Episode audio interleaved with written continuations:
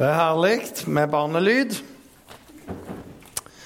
Yes, Mitt navn er Roy Elling, for de som ikke måtte kjenne meg. Og det er godt å være tilbake i Torridal. Var med helt fra starten. Og eh, nå er det sånn at vi har gjort en avtale mellom Torredal, Misjonskirken sentralt, og Randesund misjonskirke om å ha et samarbeid som vi tenker i utgangspunktet varer i tre år hvor jeg er fungerende pastor. Men dere vil òg møte eh, hovedpastor Jarle Råmendal. Han kommer her. Ungdomspastor Marius Hodne kommer her i høst. Og vi kommer til å ha ca. de samme talene som vi har i Randesund her på ettermiddagen. Så det betyr hvis det er en søndag de ikke møter her, så kan du gå på kirka i Randesund og høre de andre talene som ikke er med her. Og så sier vi òg til folk i Randesund, for det er så sykt mange av de som har hytte på Hovden, at eh, når de er der oppe, så kan de alltid stanse innom her klokka fem. Og så får med seg et møte. Det er noen som ønsker å ha ettermiddagsmøter i vintersesongen. Så får vi se hva, hva realiteten blir av det.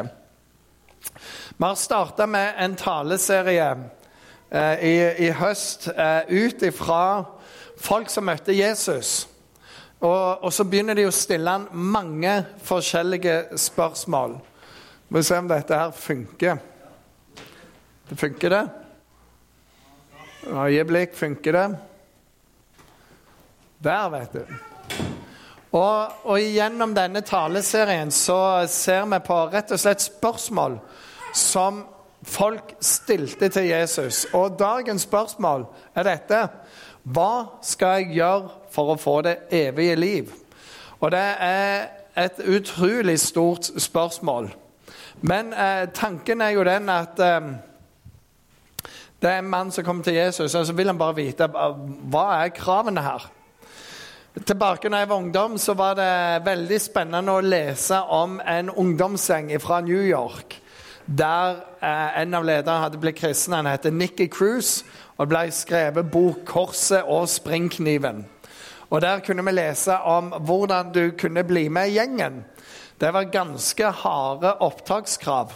Og en, den dagen Nikki skulle bli medlem, hadde feila så det sang etter på opptaksprøve, og han ser at sjefen for hele gjengen er hissig. Så han finner liksom hvilken måte skal jeg velge, så sier jeg jeg vil heller eh, slåss med de fire sterkeste i gjengen. Og det fikk han lov til. Fikk grisebank. Besvimte. Neste morgen så våkna han opp og er han en del av gjengen. Det var inntakskriteriene der. Vi ser det òg eh, akkurat nå vi er rundt skolestart og på universiteter og sånn, så er det visse opptakskrav for å komme inn i forskjellige gjenger. Og de kan være veldig forskjellige. Det er ikke alltid vi liker de kravene, men det er der. Sånn tenker folk òg om himmelen. Jeg klarer ikke å tale hvis dette er sånn. Det kan jeg si. um, men folk har mange forestillinger om hva det vil si å klare å, å komme inn i himmelen. Og denne mannen hadde òg noen. Tekstene her. Et medlem av jødenes råd kom og spurte ham, altså Jesus, gode mester, hva skal jeg gjøre for å få det evige liv? Men Jesus sier til ham, hvorfor kaller du meg god? Bare én er god, og det er Gud. Du kjenner budene. Du skal ikke bryte ekteskapet, du skal ikke slå i hjel, du skal ikke stjele, du skal ikke vitne falskt, du skal hedre din far og din mor. Og han svarte, alt dette har jeg holdt fra jeg var ung. Da Jesus hørte det, sa han, det er én ting som mangler deg. Selg alt det du eier, og del pengene ut til de fattige. Da skal du få en skatt i himmelen. Kom så og følg meg. Mannen ble meget bedrøvet da han hørte det, for han var svært rik. Og så er det dette gode mester. Hva skal jeg gjøre for å få det evige liv? I dag sto jeg tidlig opp. Jeg gjør det alltid når jeg skal tale. Og så var minstemann oppe, han er syv år. Og så begynte han å snakke med meg om noen naboer. Og så spør han da når kompisen og han er blitt skikkelig skikkelig gamle, og de dør og de skal til himmelen. Blir de da gamle i himmelen? Blir du liksom den alderen som du er når du kommer til himmelen? Og han så for seg det gamlehjemmet der oppe. Og var veldig opptatt av det. Og det er noe med denne evigheten. Slutten på livet er ikke slutten på oss. Det står i Bibelen. Men hva skjer? Husker når jeg sjøl var liten, så kunne det holde meg våken om nettene. Hva skjer når jeg dør? Hvordan er det å dø? Er det noe etterpå? Jeg kommer ikke fra en kristen eh, familie opprinnelig, så jeg hadde ikke så veldig mye hjelp i de spørsmålene heller. Men de fleste må gjennom denne tanken. Hva skjer når jeg dør? Og hvordan er det? Og så fins det utrolig mange ideer om det. Jeg syns det at du blir en planet eller får din egen planet, det er jo ganske spenstig. Eller du våkner opp igjen som en annen skapning, et dyr. Det er ganske spenstig. Det er mange som mener at det skjer ingenting. Du bare dør, og så er du ferdig med det. Og Det er jo en type tanke som er Ok, men hvorfor skal vi bry oss da på jorda? For vi står ikke til ansvar for noen for livet vårt hvis vi bare dør og forsvinner. Og så er det noe i Bibelen som sier at eh, nei, det, livet har to utganger. Og, eh, og det var en som sa det sånn Når vi en dag våkner igjen, så skal vi stå foran vår skaper. Og da er det de han sier, 'Velkommen inn, du som sa din vilje skje i livet mitt'. Men det er òg de andre som er, uh, han skal si til, 'Nå skal din vilje skje'. Du skal få lov å være der jeg ikke er, for du ville ikke ha livet med meg, og da skal du slippe evigheten med meg. Så det er de som han sier 'din vilje skje' til, og det er de som sa 'din vilje skje' til han. Og der har du noe av forskjellen. Denne mannen, han var en troende. Han ville til himmelen. Og så spør han hva skal jeg egentlig gjøre. Og så er det interessant, for Jesus sier, 'Hvorfor kaller du meg god?' Og han henvender seg til Jesus som en lærd mann, ikke som Gud eller Guds sønn. Så sier han det er bare én som er god, og det er Gud. Og han er god, og han er godhetens kilde. C.S. Lewis, som er kjent for mange, skrev utrolig mye bra bøker. Han var en ateist, og han hadde problemer med at Gud var god. Og Han sa hvordan kan du tro at Gud er god når det finnes så mye vondt i verden? Så mye krig, så mye elendighet, så mye smerte. Men så bare tenkte han videre på det. Hvordan kan jeg egentlig vite at det er så mye ondt, hvis det da ikke er noe så godt? Så det betyr vel at noe er pur ondt, og noe er pur godt. Og så må vi leve her. Og der resonnerte han seg fram til ja, men da må Gud være Gud, og han er god, og han blir en kristen. For du kan ikke si at noe er ondt uten at det, det faktisk ligger noe der, eller godt, uten at det er en kilde til denne eh, godheten. Og Jesus han er, er veldig tydelig her. Og så ligger det òg i bildet det er én som er god. Det er ikke mange forskjellige guder, det er én god gud. Og det kommer litt nede i teksten òg, eh, dette med det er én gud. Og så kan mange si ja, hvordan kan du vite at Gud er god, da? Det er å se på livet til Jesus. For gjennom hele livet så, så demonstrerte han godhet. Det står i Filippa-brevet at han ga avkall på sitt eget. og Det er det første. Hva Gud var i himmelen, og det er kommet ned på jord, det er ikke akkurat et steg opp, det er ganske mange steg ned. Men han ga avkall. Kom til jorda, ble som oss, levde som oss, bare uten synd. Tok på seg skyld og straff for vår. Og gjennom hele livet demonstrerte han dette. Gud er god. Og så må vi òg stille det spørsmålet til oss sjøl. Får Gud være den kilden i våre liv til godhet? Kobler vi inn med Han? Sånn at uansett hva vi møter, så kan vi møte med kraften fra Han. For Gud er god, midt oppi alt vanskelig. Når vi ikke orker å gå, så bærer Han oss. Men vi må være hos Han. Når vi er rådville, koble oss på Han, koble på Hans tanker. For altså, Jeg vet hvilke tanker jeg vil gi deg. Det er fredstanker ikke tanker om ulykke men kobler vi oss på det der. Så går teksten langt nedi her som, til noe av det verste, og som gjennom hele kirkehistorien har vært en sånn. Det så selg alt du eier'. og del pengene ut til de fattige. Og Den første menighet tok dette rimelig på alvor. Så leser Apostelens gjerninger, så ser du de solgte eiendom, de solgte unna ting, og de delte ut. Problemet med det var jo at da ble alle fattige, for de solgte unna altfor mye. Lærte ikke eh, å, å forvalte det. Og opphavet til klostervesenet kommer også ut fra dette verset her. Selg alt du eier. Så flytta de inn i kloster, og så hadde de alt felles.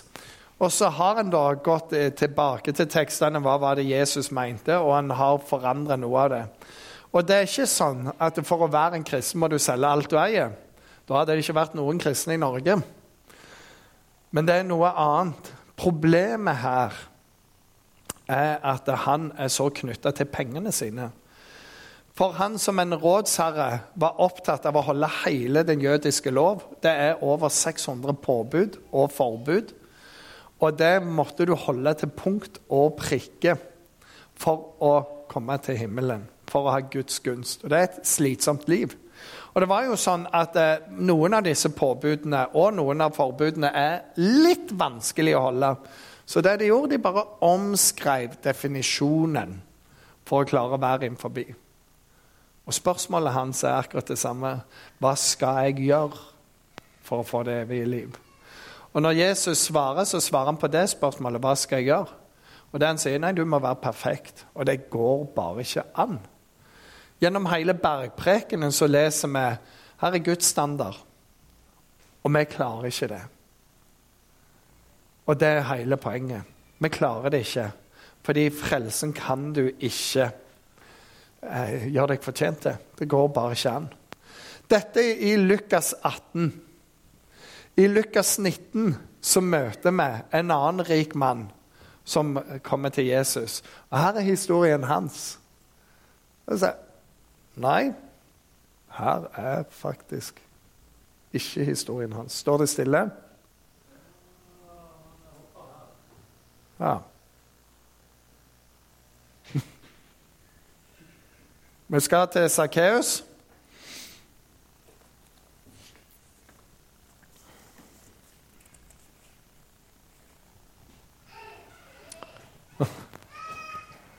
Her. God gass. Ja, det får bare være. Der står det han kom inn i Jeriko og dro gjennom byen. Det var en mann som het Sakkeus. Han var overtoller og svært rik. Han ville gjerne se hvem Jesus var, men han kunne ikke komme til for folkemengden, for han, de, han var liten av vekst. Han løp da i forveien og klatra opp i et morbærtre for å se på ham, et sted han visste han måtte komme forbi. Og Da Jesus kom dit, så han opp og sa til han, 'Sakkeus, skynd deg og kom ned, for i dag må jeg ta inn hos deg.' Han skyndte seg da ned og tok imot ham med glede. Men alle som så det, murra og sa, 'Han har tatt inn hos en syndig mann.' Men Sakkeus sto fram og sa til Herren, 'Herre, halvparten av alt jeg eier, vil jeg gi til de fattige.' 'Og har jeg pressa penger av noen, skal de få firedobbelt igjen.' Da sa Jesus til han, i dag er frelse kommet til dette huset, for også han er en av Abrahams sønner. Menneskesønnen er ikke kommet til for å lete det er, Menneskesønnen er kommet for å lete etter de bortkomne og berge de. Og Det er en utrolig forskjell på disse to. Det, historiene er rett etter hverandre. Men det kommer først en rik mann som er bare anerkjent av absolutt alle. Alle ser opp til han, kommer til Jesus, ønsker å få vite det gode budskap. Og så sier Jesus men det er en ting, du må selge alt. Og han går bare bort fra Jesus. Han var mer knytta til pengene enn til Jesus. Og det er noe med Jesus. Du må komme med tomme hender. Hva er det som er mer verdt? Du må våge å gi det. Så kommer Sakkeus, en mann som ingen likte, ingen så opp til. Og Det å være toller på den tida det var jo det samme som å være en quisling. Du jobbet for fienden, du tok betalt for fienden, og i tillegg så lurte du til deg penger sjøl. Alle visste at du skulle ikke ha så mye som du tok, men du kunne aldri gjøre noe, for da hadde du soldater på nakken. Så han var hata av alle. Og når Jesus sier kom, så murrer han. Og på en måte med rette i folks øyne. Det er bare det at Jesus alltid er annerledes. Kalles syndere og tollers venn. Han hjelper folk. Og forskjellen i møtet det er jo at Jesus sier ingenting til Sakkeus, men Sakkeus sjøl sier 'jeg vil gi egentlig alt'. Og når han skal gi firedobbelt tilbake av det han er pressa, så betyr det at han er blakk som ei kirkerotte. Det er forskjellen på de to, og de står rett etter hverandre.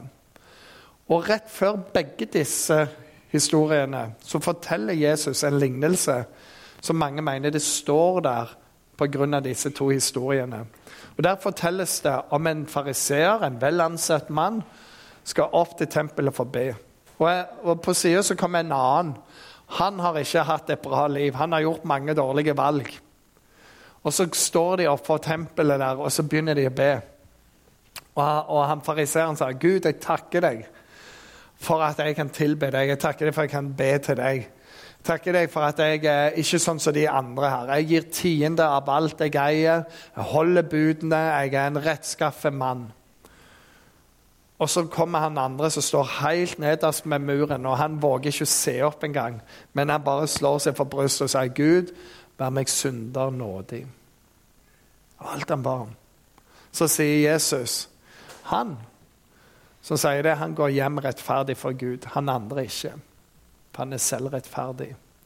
Rettferdighet må vi ha i Gud. Og den, sammen med Sakkeus-historien og den andre, er det akkurat det samme. Og Det er interessant, for han andre har ikke et navn. Og det er Mange som har sagt det som jobber med den teksten. Grunnen til at han ikke har navn, det er at han har ikke identiteten i navnet sitt, men i rikdommen sin. Alt handler om hvem jeg er pga. rikdommen. Sakkeus hadde et navn. Han hadde ingenting i rikdommen eller noe. Det hadde aldri gitt han noe godt, egentlig. Og så er det litt sånn eh, Jeg liker godt å se film. Og actionfilmer det kan være veldig OK. Og, og, når jeg sier at Indiana Jones var gode filmer, så røper jeg jo alderen her. Og Det er jo så sykt lenge siden. Men det som mange sånne eventyr-actionfilmer har felles, det er at det er en skatt de skal inn til. Og når de kommer inn til den, så er det så sinnssykt mye som er der. Finner dette i, i, i mange filmer, og de begynner å se gull og diamanter, og så begynner de bare å stappe oppi. Men parallelt med det så begynner alt bare å dirre rundt dem. Kjenner igjen filmene? Og så vet jeg nå må vi løpe for livet. For ellers så vil vi drukne nede i dette når alt raser. Og beskjeden er alltid den samme i alle filmer. Slipp alt du har i hendene, og løp det du er god for. Og I hver eneste film så er det noen som de er bare blinde av dette. De klarer ikke å gi slipp på det. Mens de andre de kommer alltid tomhendt ut av det der glad for å være i live, og så var det en skatt som gikk tapt. Og alltid så tenker jeg etterpå det er jo bare å få inn brøytmaskinene, så har du alt det samme. Men det tenker de aldri på i filmene.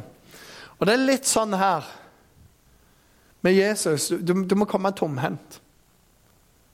Den som kommer tomhendt til Jesus, han kommer alltid fulgt opp tilbake igjen. Den som gir det han har til Jesus, han får alltid mer. Gutten som kom med Fem brød og to fisker. Han fikk tolv korger med hjem til mor si. Pro problemet forklarer liksom Har du spist opp maten din? Ja og nei på det spørsmålet der. Jeg har litt til overs. Men du kommer Du må komme sånn til Jesus. Bare gi det du har. Kommer du med fulle hender med til Jesus og har så mye som er ditt, så går du som regel tomhendt bort ifra han. Og det er noe det han egentlig eh, tar fatt på her. Så skal vi se om dette her Hohoi! Spørsmålet er hva skal jeg gjøre for å bli frelst? Og så er jo frelsen dette. Men det er ingenting vi skal gjøre, for det er gjort. Jesus har gjort det for oss. Men du må gjøre noe. Du må ta imot. Men det er ikke sånn å si Ave Maria 50 ganger, besøk noen fattige, doner penger til noe. Alt er ferdig. Og så er det bare å komme. Og det er evangeliet. står dette, For ikke noe menneske blir rettferdig for Gud pga. gjerningene som loven krever. Og det var der denne mannen prøver. Med lovens gjerninger så prøver han å bli rettferdig. Hva skal jeg gjøre? Med loven lærer vi synden å kjenne. og Det betyr at når vi prøver å være gode nok, så vil det alltid være noe der vi ikke er gode nok. Jeg trenger ikke å være våken utrolig lenge før jeg kjenner på det. Morgenen er ikke alltid like hellig for min del. Er liksom våkner opp, og så skjer det et eller annet, og så er det travelt. Og så bare kjenner jeg det bor noe annet i meg. Her i Torridal så vet jeg det er annerledes. Dere må vente helt til dere er på jobb eller noe sånt for å kjenne lysten til det onde. Men problemet for de som prøver å være prektige, det er det at egentlig lærer du bare synden å kjenne. For vi blir aldri gode nok.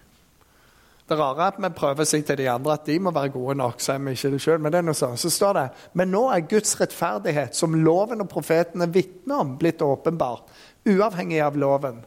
Dette er Guds rettferdighet som gis ved troen på Jesus Kristus til alle som tror. Det her er det ingen forskjell, for alle har synda og mangler Guds ærlighet.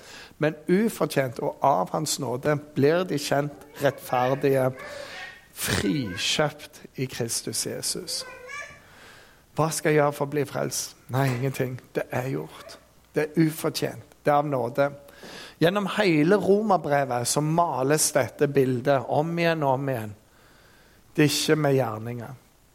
Du er frikjøpt. Det, det er nåde. Det er gratis. Efeserbrevet har òg en utrolig nydelig For av nåde er dere frelst. Nåde pluss ingenting ved tro. Det er ikke deres verk, men det er Guds gave til oss. Og Det er jo hele den kristne tro, det, det vi får lov å eie sammen. Det hviler ikke på gjerninger for at ingen skal skryte av seg sjøl. For vi er Hans verk, skapt i Kristus, Jesus, til gode gjerninger, som Han på forhånd har lagt ferdig for at vi skal kunne vandre i dem. Det er livet Jesus. Det er ikke pga. oss, det er pga. Han. Og det som er det fine også, Da kan vi få lov å komme som vi er, med livet der det er, med oppturer, med nedturer, med kamper. Han tåler det. Og som menighet så skal vi tåle det hos hverandre òg. Og når det virkelig røyner, så skal vi i hvert fall Men vi har Jesus, og så har vi hverandre. Guds familie, det er noe annet. Så hva skal jeg gjøre? Og svaret til han egentlig gi opp den der kontrollen. Gi opp den der jakten. Kom med tomme hender. Ikke ha identitet i rikdom eller i hva du gjør, men bare gi det til Jesus. Jeg liker godt når Moses blir utfordra. Gud spør ham hva har du i hånda di. Så sier han jeg har en stokk her. Så sier han kast den ned for meg. Og han gjør det. Og det blir til en slange, og han blir kjemperedd. Og jeg ser for meg englene i himmelen, hvordan de holder på å le seg i hjel. Gud, skjerp deg, da! Så han sa nei, nei, nei, se nå. Så sier han grip tak i den igjen. Så griper han den. Og så står det fra den stunden at det var en gudsstav. Det var aldri en stokk igjen, men det var en gudsstav.